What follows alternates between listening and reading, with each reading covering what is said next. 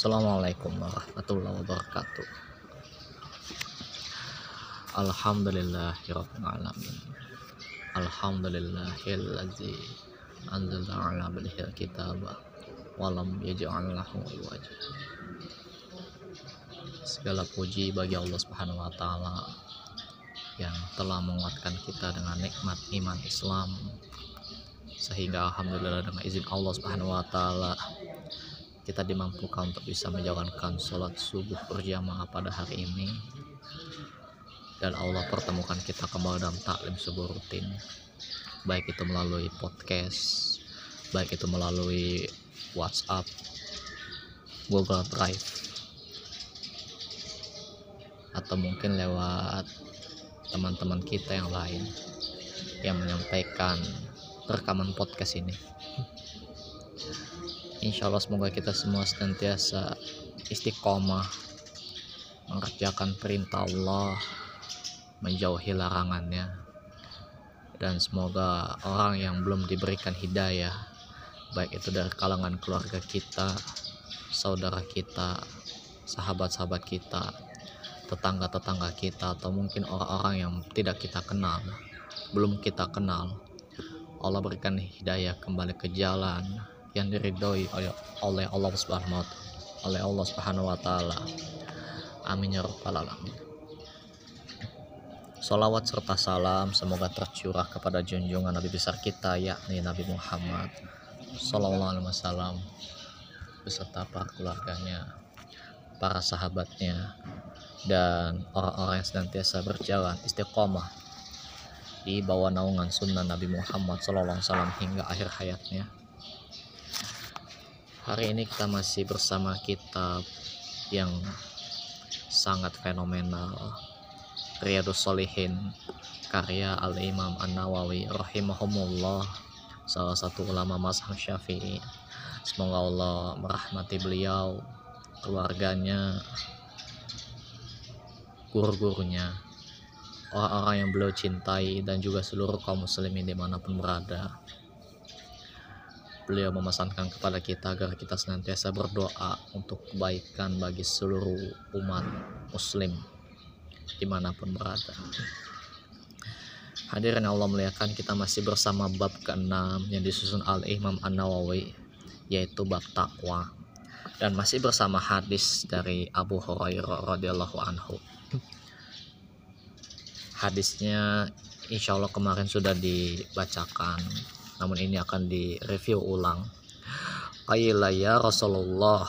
Nah ditanyakan oleh para sahabat atau seseorang bertanya kepada Rasulullah SAW ya Rasulullah man akramun nas? Wahai Rasulullah siapakah manusia yang paling mulia? Qala Rasulullah SAW menjawab atqahum yang paling bertakwa Fakalu maka mereka atau seseorang mengatakan setelah sabda Rasulullah SAW ini Fakalu laisa an haza nas'aluk. Bukan itu yang kami tanyakan. Bukan itu yang kami tanyakan. Qala maka Rasulullah bersabda Fayusufu Nabiullah ibni faya faya fayusufu nabiyullah ibnu nabiyullah ibni nabiyullah ibni khalilillah. Maksudnya nah, Rasulullah menjawab Yusuf Nabi Allah putra Nabi Allah putra Nabi Allah putra Khalilullah. Ini memberitahukan nasab ya Nabi Yusuf alaihissalam itu putra dari Nabi Yakub alaihissalam dan Nabi Yakub alaihissalam ini adalah putra dari Nabi Ishak alaihissalam dan Nabi Ishak alaihissalam itu putra dari Nabi Ibrahim alaihissalam jadi nih bapaknya para nabi dan rasul ini Nabi Ibrahim alaihissalam melahirkan Nabi Ismail dan Nabi Ishak. Dan Nabi Ishak inilah melahirkan Nabi Yakub. Oh Nabi Ishak ini mempunyai putra namanya Nabi Yakub. Dan Nabi Yakub ini mempunyai seorang putra. Banyak putra. Dan salah satunya adalah seorang nabi yaitu Nabi Yusuf alaihi salam. Begitu. Sampai di sini kali ini kita akan membahas sedikit tentang kisah Nabi Yusuf alaihi salam Insya Allah ada banyak bagian-bagian di sini. Ini masih nyambung tentang bab takwa.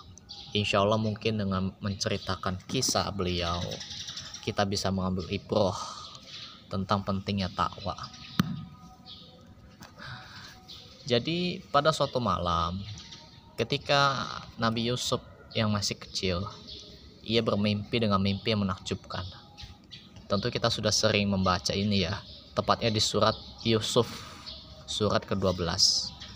Insya Allah kita bisa dengar bisa baca ayat dari ayat 10 atau ayat 11 lalu lanjut ke seterusnya ayat. Tapi kita lanjut dulu.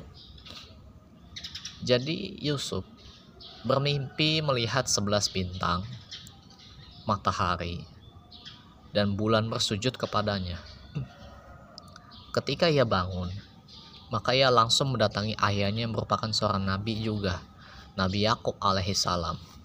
Nah, lalu diceritain mimpinya tersebut. Ayahnya pun langsung memahami takwilnya, maksud dari mimpi tersebut, dan bahwa akan terjadi pada anaknya suatu urusan yang besar. Maka ayahnya segera mengingatkan Yusuf agar tidak menceritakan mimpinya itu kepada saudara-saudaranya yang nantinya setan akan merusak hubungan mereka dan berhasad kepadanya atas pemberian Allah itu. Nabi Yusuf alaihissalam pun menaati saran ayahnya yang waktu itu belum jadi nabi. Dan seperti kita tahu bersama ya, saudara-saudaranya, saudara-saudara Nabi, saudara-saudara Yusuf ini punya niat buruk kepada Yusuf.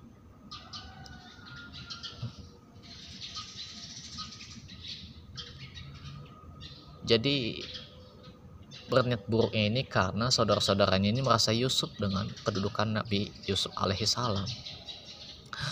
Nabi Yakub alaihi salam sangat sayang kepada Yusuf.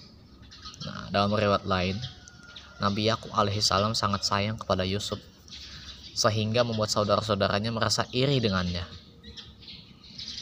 Ya, perhatian begitu ya. Perhatiannya lebih tercurahkan kepada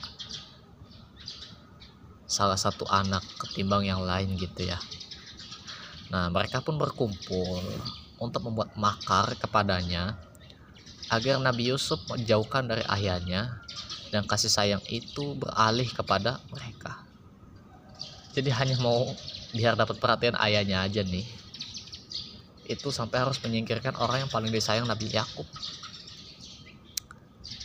Padahal anaknya anak Nabi gitu ya. Tapi masih ada yang berpikiran buruk. Itu anak nabi loh. Ya bagaimana kita yang bukan nabi bukan rasul bukan dai bukan ulama bahkan gitu ya. Nabi Yakub alaihi salam ini punya 12 anak lah totalnya gitu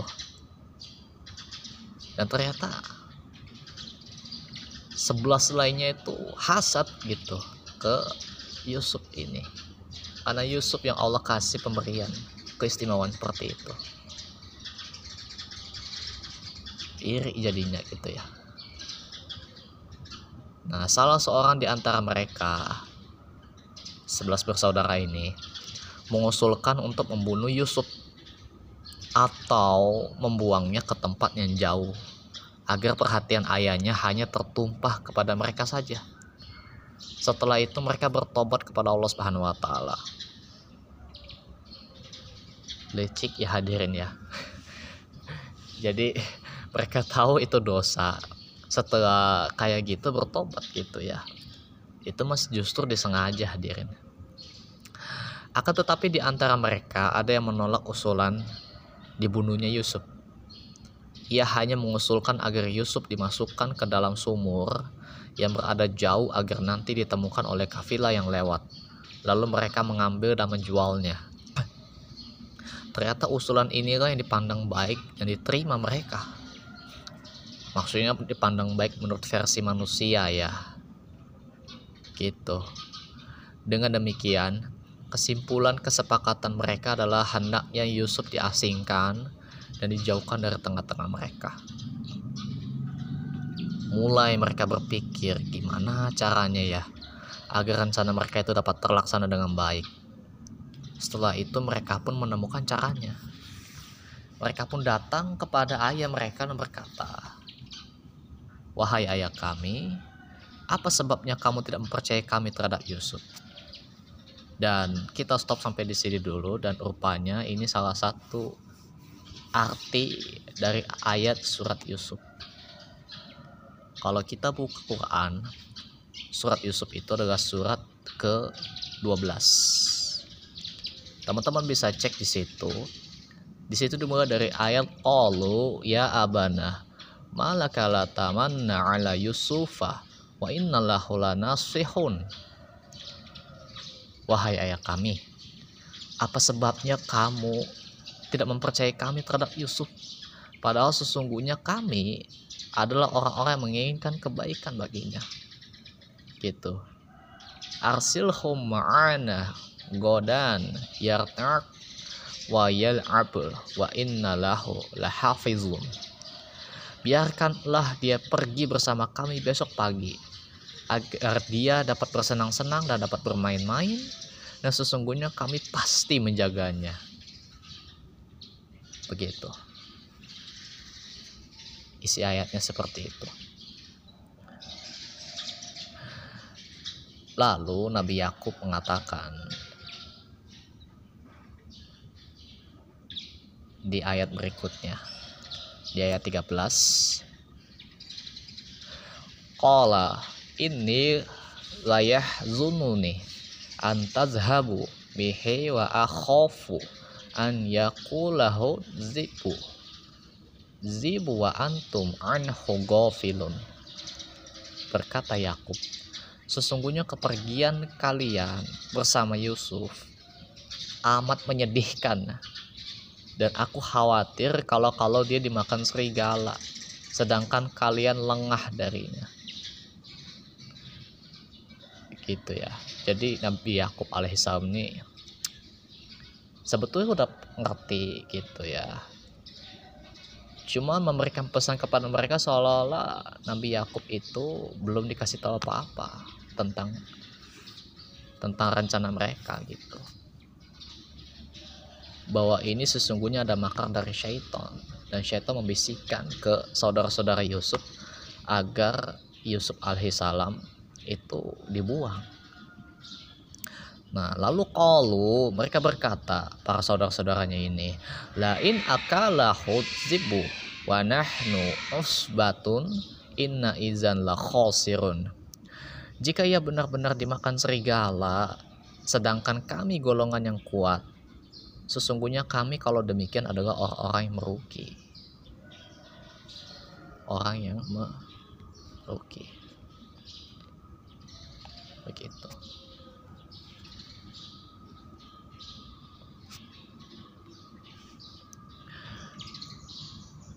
Jadi di ayat 13-14 ini, walaupun kita juga cek ulang ya di ayat sebelumnya, ayat 11 sampai 12, Allah Subhanahu wa taala menceritakan perihal Nabi Yakub bahwa ia berkata kepada anak-anaknya dalam jawaban permintaan mereka yang meminta kepadanya agar membiarkan Yusuf pergi bersama mereka ke tempat penggembalaan ternak di padang Sahara waktu itu. Kita cek ayat 13-nya, inilah layah zununi antazhabu bih. Sesungguhnya kepergian kalian bersama Yusuf amat menyedihkanku. Sebet, yakni sebenarnya kalau kita cek dalam tafsir Ibnu Kasir, yakni sebenarnya aku merasa keberatan berpisah dengan Yusuf selama dia pergi dengan kalian hingga dia kembali lagi kepadaku. Demikian itu karena Yakub sangat mencintai Yusuf mengingat di dalam diri Yusuf telah terdapat pertanda kebaikan yang besar dan sifat-sifat kenabian serta kesempurnaan pada akhlak dan bentuk rupanya. Lalu dilanjutkan wa akhafu an yakullahu zibu wa antum anhu ghafilun. Dan aku khawatir kalau kalau dia dimakan serigala sedangkan kalian lengah darinya. Nabi Yakub alaihissalam mengatakan bahwa dirinya merasa takut dan khawatir bila anak-anaknya nanti sibuk dengan permainan dan gembalan mereka sehingga melupakan penjagaannya terhadap Yusuf. Lalu datanglah serigala memangsanya sedangkan mereka tidak menyadarinya. Begitu. Lalu mereka, saudara-saudara Yusuf, menangkap pesan-pesan itu dari lisan ayah mereka dan mereka simpan di dalam hati mereka. Kelak hal itu akan dijadikan sebagai alasan mereka dan dalam tindak kejahatannya. Jadi mereka bikin makar, mereka bikin alasan itu dari ayah mereka sendiri gitu, Nabi Yakub alaihi salam. Dari situ. Seketika itu juga mereka mengemukakan jawabannya kepada ayah mereka. Seperti disebutkan dalam firman Allah surat Yusuf ayat 14, lain akal wahu zibu nahnu usbatun inna izan la khosirun. Jika ia benar-benar dimakan serigala, sedangkan kami golongan yang kuat, sesungguhnya kami kalau demikian adalah orang-orang yang merugi. Mereka mengatakan, sesungguhnya jika Yusuf dimangsa oleh serigala di antara mereka, sedangkan mereka berjumlah banyak gitu ya. Logika mereka gitu. Berarti mereka adalah orang-orang yang binasa dan lemah begitu orang yang binasa dan lemah maka pada pagi harinya itulah mereka keluar setelah itu membawa Nabi Yusuf ke gurun sambil menggembala kambing-kambing mereka. Setelah mereka berada jauh dari ayah mereka, maka mulailah mereka melakukan rencana itu. Mereka berjalan hingga tiba di sumur, lalu mereka melepas baju Yusuf dan melempar Yusuf ke dalamnya. Ketika itu Allah Subhanahu wa taala mewahyukan kepada Yusuf alaihi salam. Bunyi ayatnya adalah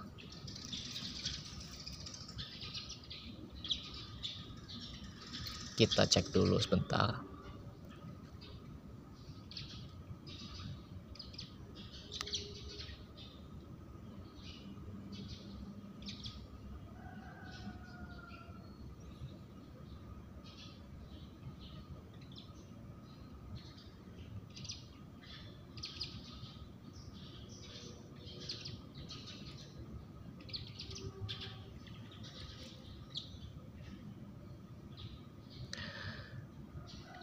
Kalau kita cek ayat 15 secara lengkapnya, maka ketemu ayat seperti ini. Falamma zahabu bihi wa ajma'u an yaj'aluhu fi batil hubbah wa auhayna ilaihi latunabba'annahum bi amrihim haza wa hum la yash'urun maka tak kala mereka membawanya dan sepakat memasukkannya ke dalam sumur Lalu mereka masukkan dia. Dan di waktu dia sudah dalam sumur, nah kami wahyukan kepada Yusuf, sesungguhnya kamu akan menceritakan kepada mereka perbuatan-perbuatan mereka ini, sedangkan mereka tidak lagi mengingat engkau. Itu.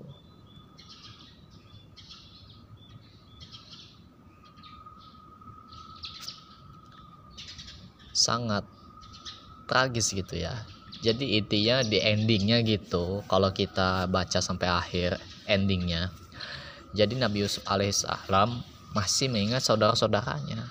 Sedangkan saudara-saudaranya lupa gitu. Nanti ada kisah dilanjutkan masih tentang bab takwa. Nanti kita akan bahas tentang takwanya dari semua kisah itu. Nah setelah mereka berhasil memasukkan Yusuf ke dalam sumur maka mereka berpikir kembali tentang apa yang akan mereka katakan nanti di hadapan ayah mereka. Ketika ayahnya bertanya tentang Yusuf, hingga akhirnya mereka sepakat untuk mengatakan bahwa seekor serigala memakannya. Dan untuk menguatkan pernyataan mereka itu, mereka sembeli seekor kambing. Lalu darahnya mereka lumuri ke baju Yusuf. Begitu. Kalau dibaca dalam tafsir Nukasir, Hal ini menggambarkan tentang perbuatan mereka sangat jahat. Di ayat 15 tadi, yaitu sepakat untuk mencampakkan Yusuf ke dalam ke dasar sumur. Mereka berpura-pura mengambil Yusuf dari sisi ayah mereka sebagai penghormatan mereka kepadanya untuk menenangkan hatinya serta untuk menggembirakannya. Menurut suatu pendapat, suatu pendapat dari tafsir Nukasir, sesungguhnya Nabi Yakub alaihissalam ketika melepas Yusuf pergi bersama mereka itu terlebih dahulu dipeluk, diciumi, dan mendoakan Nabi Yusuf alaihissalam. Dalam tafsir As-Sa'di dan lain-lainnya menyebutkan bahwa tiada jarak waktu antara penghormatan mereka kepada ayahnya dengan penyiksaan mereka kepada Yusuf. Melainkan setelah mereka menghilang dari pandangan mata ayahnya dan suara mereka tidak kedengaran lagi. Menjauhlah gitu intinya. Setelah itu mereka mulai menyakiti Yusuf baik dengan kata-kata makian ataupun dengan cara lainnya yang serupa, yaitu memukulinya dan lain sebagainya. Kemudian mereka membawa Yusuf ke sumur yang telah mereka sepakati sebagai tempat untuk membuangnya. Mereka mengikat Yusuf terlebih dahulu dengan tambang, lalu memasukkannya ke dalam sumur itu.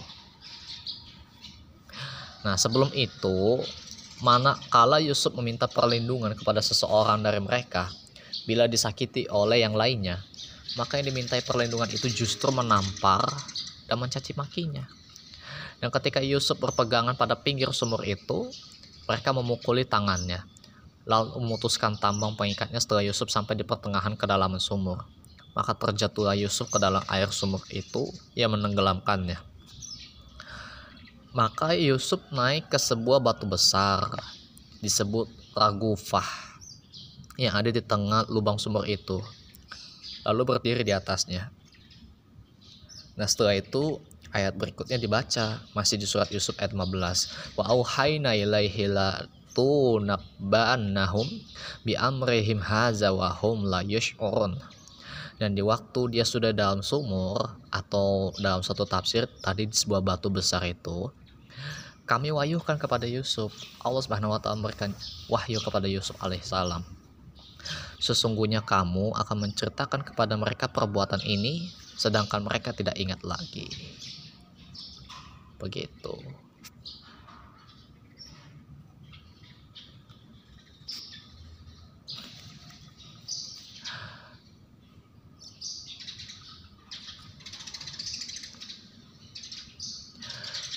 Allah Subhanahu wa taala menyebutkan tentang kasih sayang, rahmat dan pertolongannya kepada Nabi Yusuf alaihissalam serta menurunkan kemudahan kepadanya di saat kesulitan. Allah menurunkan wahyunya kepada Yusuf di saat ia benar-benar berada dalam kesulitan guna menenteramkan dan meneguhkan hatinya. Janganlah kamu bersedih hati terhadap nasib yang sedang kamu alami, karena sesungguhnya engkau akan menemui kemudahan dan jalan keluar yang baik. Allah pasti akan menolongmu terhadap mereka dan dia akan mengangkatmu serta meninggikan derajatmu. Dan engkau kelak akan menceritakan kepada mereka apa yang telah mereka lakukan terhadap dirimu dari perbuatan mereka ini. Nah, kalau sampai di sini kita memahami, inilah efek dari takwa. Wa ma yattaqillaha yaj'alahum makhraja wa yarzuquhum min haitsu la yahtasib. Barang siapa yang bertakwa kepada Allah, Allah akan berikan jalan keluar. Jalan keluar dari segala kesulitan urusan hidupnya gitu. Ketika Nabi Yusuf diberikan kesulitan seperti itu masuk ke dalam sumur di saat bersamaan Allah berikan pertolongan. Yaitu ada sebuah batu besar Rahufah di situ. Kalau tidak salah ya dalam suatu tafsir di Ibnu, di Ibnu Kasir itu bentuk pertolongan Allah Subhanahu wa taala. Namun tidak sampai di batu saja hadirin Allah Subhanahu wa taala menyebutkan tentang kasih sayang, rahmat dan pertolongannya kepada Yusuf serta menurunkan kemudahan kepadanya di saat kesulitan tersebut dan hatinya diteguhkan, ditenteramkan. Meneguhkan hati itu kan salah satu bentuk pertolongan Allah Subhanahu wa taala. Di saat lagi ada masalah pelik gitu, masalah yang gak keduga-duga seperti itu, Allah tenangkan hatinya sehingga tidak goyang, tidak mudah gelisah dengan situasi tersebut. Dan itu takwa hadirin. Dan kalau kita tidak bertakwa pada Allah, misalnya skenario nya sama kita dimasukin dalam sumur tiba-tiba apakah kita akan bisa tetap tenang di kondisi tersebut? Banyak yang gelisah banyak yang ngamuk-ngamuk gak jelas sampai ngomong kasar kotor gitu gak sabaran. Ya karena gak teguh hatinya.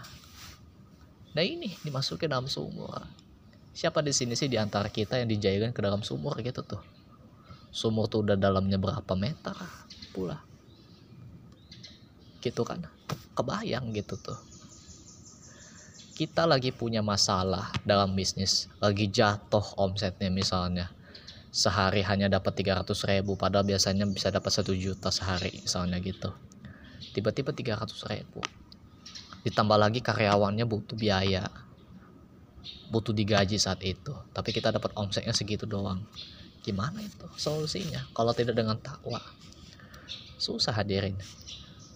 Nah ini Nabi Yusuf masuk ke dalam sumur sama saudara-saudaranya.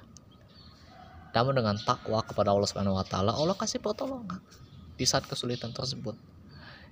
Wa mayyataqillaha yaj'al lahum makhraja. Nah wa. Barang siapa yang bertakwa kepada Allah, Allah kasih pertolongan berupa jalan keluar. Makhraja itu jalan keluar. Dan Allah berikan rezeki dari arah yang tidak disangka-sangka. Seperti itu. Lalu kita lanjut lagi. Itu tentang takwa tadi. Nah, Allah pasti akan menolongmu terhadap mereka dan dia akan mengangkatmu serta meninggikan derajatmu. Nah, dan engkau kelak akan menceritakan kepada mereka apa yang telah mereka lakukan terhadap dirimu dari perbuatan mereka. Wahum la yash'urun.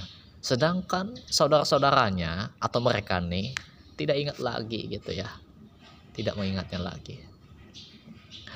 Nah, Al-Imam Mujahid dan Qatadah mengatakan tentang sepenggal ayat barusan tadi yang bacakan mereka tidak menyadari bahwa Allah menurunkan wahyunya kepada Yusuf saat itu. Saat dimasukin dalam sumur tuh. Ya gimana gitu ya. Orang kan itu taunya kan berbuat jahat aja gitu ya. Nah sedangkan menurut Ibnu Abbas. Maksudnya adalah engkau kelak akan menceritakan kepada mereka perbuatan mereka sekarang terhadapmu. Sedangkan mereka tidak ingat lagi kepadamu dan tidak mengenalmu gitu makanya namanya udah dibuang terus tujuannya untuk dijual sebagai budak gitu dan suatu kisah kan itu sampai ke Mesir hadirin Nabi Yusuf alaihissalam jadi perdana menteri di sana bendahara. Nah sehubungan dengan hal ini Ibnu Jarir mengatakan telah menceritakan kepadaku Al Haris, telah menceritakan kepada kami Abdul Aziz, telah menceritakan kepada kami Sekodah Ibnu Ubadah Al Asadi dari ayahnya. Ia pernah mendengar Ibnu Abbas menceritakan bahwa ketika saudara-saudara Yusuf masuk dalam istana Yusuf, maka Nabi Yusuf langsung dapat mengenali mereka. Uh, ingat nih. Nah, Allah kasih ingatan kepada beliau. Nah, sedangkan mereka tidak mengenalnya. Lupa gitu. Lalu Yusuf berkata, Ambilkan, ambilkanlah piala itu. Kemudian Yusuf meletakkan piala itu di tangannya dan memukul piala itu hingga berdenting suaranya. Lalu Yusuf berkata, Sesungguhnya piala ini akan menceritakan kepadaku berita tentang golongan orang-orang ini. Bahwa sesungguhnya masa lalu kalian mempunyai seorang saudara seayah kalian yang dikenal dengan Aba Yusuf yang sangat dicintai oleh ayah kalian. Sedangkan kalian tidak. Lalu kalian bawanya pergi dan melemparkannya ke dasar sebuah sumur. Oh, begitu ya hadirin ya. Lalu Ibnu Abbas melanjutkan kisahnya. Lalu Yusuf kembali memukul piala itu, dan piala itu berdenting untuk kedua kalinya. Kemudian Yusuf berkata, "Setelah itu kalian datang menghadap kepada ayah kalian, dan kalian katakan kepadanya bahwa serigala telah memangsa Yusuf. Dan kalian pun datang kepadanya dengan membawa baju gamisnya yang dilumuri oleh darah yang dusta, palsu." itu kan dari dari kambing gitu ya maka sebagian dari mereka berkata kepada sebagian yang lainnya sesungguhnya piala ini benar-benar menceritakan kisah kalian begitu padahal Allah kasih ingatan ke Nabi Yusuf alaihissalam begitu oh nih saudara saya nih. Terus mereka kenal nggak sama saya gitu ya? Mereka udah lupa gitu. Allah yang berfirman. Allah yang berfirman wahum la yash'urun. Mereka sudah tidak ingat lagi. Tapi Nabi Yusuf alaihissalam masih dikasih ingatan sama Allah. Esensi dari takwa itu. Esensi dari takwa. Orang yang bertakwa itu kan hafalannya kuat-kuat hadirin iya. Mereka terbiasa melatih untuk senantiasa mengerjakan perintah Allah dan menjauhi larangan. Salah satunya menghafal Al-Quran memahami Al-Quran otomatis mereka tajam hafalannya gitu. Tajam. Allah kasih pertolongan di situ. Nah makanya Nabi Yusuf sampai apa ya menceritakan dengan gaya cerita seperti itu. Ngomongnya tentang piala itu piala itu menceritakan kisah kalian seperti itu. Nah lalu Ibnu Abbas mengatakan kami merasa yakin bahwa ayat ini diturunkan menceritakan kisah mereka yaitu firman Allah Subhanahu wa taala di surat Yusuf tadi. Sesungguhnya kamu akan menceritakan kepada mereka perbuatan mereka ini sedangkan mereka tidak ingat lagi. Begitu Nah, lalu kita kembali flashback sejenak. Itu kan kita udah loncat ya. Itu kan pembahasan tafsir Ibnu Kasir Nah, intinya kembali ke kisah setelah Nabi Yusuf alaihissalam diceburkan dalam sumur. Lalu para saudaranya itu menyembelih seekor kambing. Lalu darahnya itu dipakai buat melumuri baju Yusuf gitu. Biar kelihatan kayak habis dimakan serigala. Nah, di malam hari mereka pulang menemui ayahnya dalam keadaan pura-pura nangis. Nabi Yakub pun melihat mereka dan ternyata Yusuf tidak ada di tengah-tengah mereka. Lalu mereka memberitahukan secara dusta, palsu, bahwa ketika mereka pergi untuk pergi berlomba-lomba dan mereka tinggalkan Yusuf di dekat barang-barang, lalu Yusuf dimakan serigala. Selanjutnya mereka mengeluarkan gamisnya yang berlumuran darah untuk menguatkan pernyataan mereka. Gitu. Nah, tetapi Nabi Yakub alaihissalam melihat gamisnya dalam keadaan tidak robek Nah, mereka lupa nih ngerobekinnya. Masa iya dimakan serigala tapi nggak ada robekan di situ gitu ya? Nah, cuma dilumuri darah doang. Nah, lalu Yakub alaihissalam berkata kepada mereka, tepatnya di surat Yusuf ayat 18 kalau tidak salah.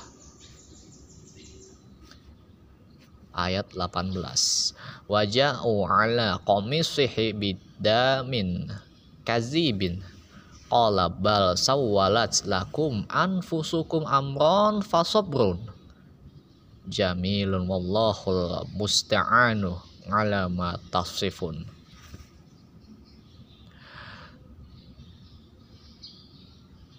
Mereka datang membawa baju gamis yang bermuluran dengan darah palsu. Yakub berkata, Sebenarnya diri kalian sendiri yang memandang baik perbuatan yang buruk ini maka kesabaran yang baik itulah kesabaranku. Dan Allah saja yang dimohon pertolongannya terhadap apa yang kalian ceritakan. Gitu. Jadi udahlah terserah lo aja lah. Terserah lo mau ceritanya kayak gitu bener. Allah yang maha tahu. Saya hanya minta tolong kepada Allah subhanahu wa ta'ala agar Allah jaga Yusuf baik itu dari makar kalian gitu atau dari hal lain yang memang bukan makar kalian. Padahal itu kan makar mereka gitu ya. Tapi Nabi Yusuf nggak mengatakan Allah kamu ini kelakuannya sih. Bener nggak kamu ceritanya itu? Kayak ceritanya Nabi Yusuf dimakan serigala. Gitu ya. Nah dalam suatu riwayat ada tambahan. Ketika Nabi Yakub melihat gamisnya dalam keadaan tidak robek cuman berlumuran darah. Nah lalu Yakub berkata kepada mereka sungguh aneh serigala ini tambahan riwayatnya Sungguh aneh serigala ini. Mengapa ia bersikap sayang kepada Yusuf? Ia memakannya tanpa merobek pakaiannya. Gitu. Bahasanya halus, nggak meledak-ledak. Pakai sindiran tapi. Ah, baik banget ya serigala itu ya. Dia hebat bisa bersikap sayang kepada Yusuf. Sampai-sampai serigala itu bisa memakan Yusuf tanpa perlu ngerobek pakaiannya gitu ya. Masa ditelan gitu ya hadirin ya? Lucu jadinya gitu tuh. Nah baru setelah itu Yakub berkata kepada mereka menerangkan kedustaan mereka seperti itu tadi.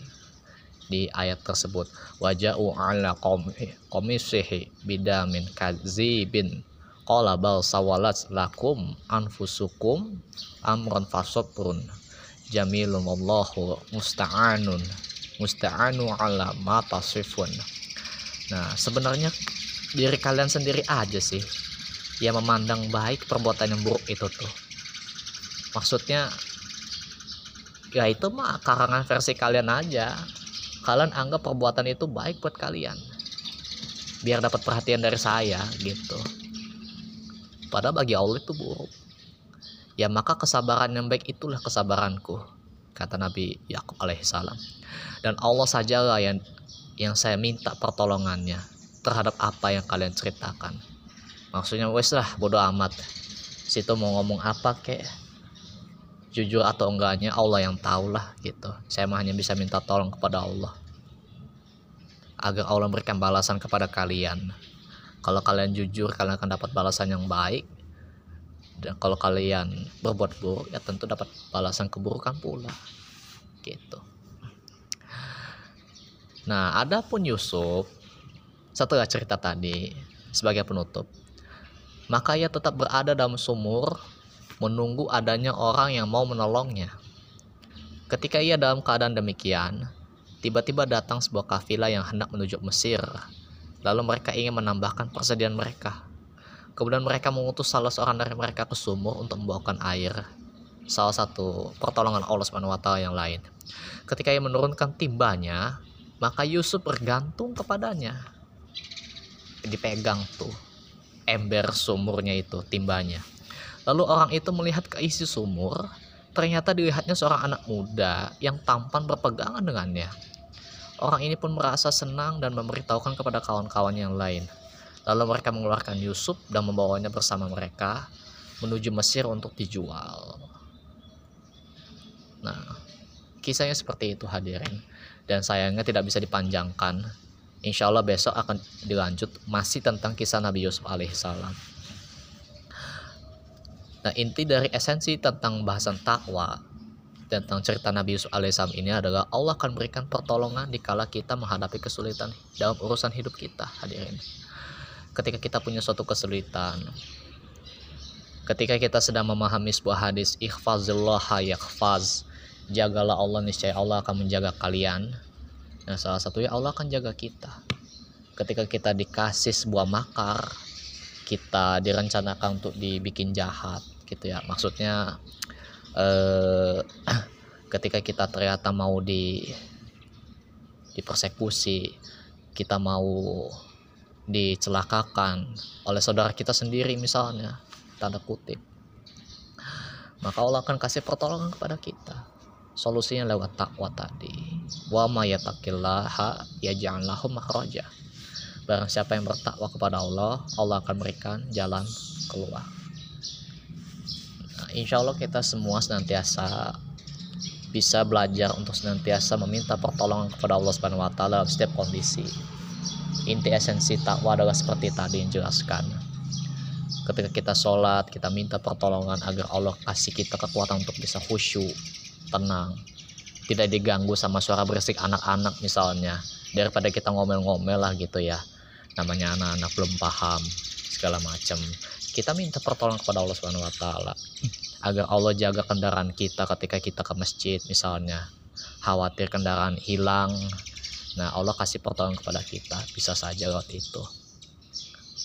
Nah ketika kita bisnisnya lagi seret kita minta pertolongan kepada Allah Subhanahu wa taala agar Allah tolong kita ketika lagi sempit bisnisnya agar Allah tetap cukupkan keperluan kita. Yang mencukupkan kita tuh cuman Allah hadirin bukan duit. Nah apalagi di masa-masa nggak jelas begini ya katanya pandemi naik lagi. Lagi menjelang Ramadan naik lagi situasinya lagi rame penyakit tersebut. Bahkan sampai ada pengumuman jangan lepaskan masker ketika lagi keluar ke mana-mana. Khawatir ada suatu virus nyerang segala macam. Itu kan udah memunculkan banyak ketakutan-ketakutan. Nah kita minta pertolongan kepada Allah dari apa yang tidak kita tahu tentang itu. Minta kepada Allah lalu berikhtiar jaga kesehatan tentunya dan jangan buat maksiat apalagi masih di bulan Rojab seperti ini bulan yang Allah muliakan pahala dilipat gandakan tapi dosa juga dilipat gandakan maka kita minta pertolongan kepada Allah Subhanahu wa taala agar Allah istiqomahkan kita untuk senantiasa tetap berada pada rel takwa, rel di jalan yang Allah ridhoi. Amin ya rabbal alamin. Itu saja yang bisa disampaikan. Insya Allah besok masih tentang kisah Nabi Yusuf alaihissalam. Kita lanjutkan sampai tuntas supaya kita bisa dapat pelajaran tentang takwanya ya yang bisa diambil. Nah semoga apa yang bisa disampaikan ini bisa menjadi motivasi bagi kita untuk memperbaiki amal soleh kita terutama memperbaiki niat kita untuk senantiasa hanya mengharap ridha Allah Subhanahu wa taala dan jauh dari noda-noda penyakit hati seperti ria, iri, dengki, sum'ah, ujub, sombong dan lain sebagainya. Dan insya Allah semoga kita semua senantiasa istiqomah mengamalkan sunnah Nabi Muhammad SAW dan semoga orang yang belum mendapat hidayah Allah berikan hidayah kembali ke jalan yang diridhoi oleh Allah Subhanahu wa taala. Amin ya rabbal alamin. Itu yang bisa disampaikan, kurang lebihnya mohon maaf. Yang berbicara ini masih banyak belajar. Tentu kita bisa belajar dari yang lain, tentu yang lebih paham masih banyak sekali, sangat banyak yang lebih memahami kitab ini daripada yang berbicara.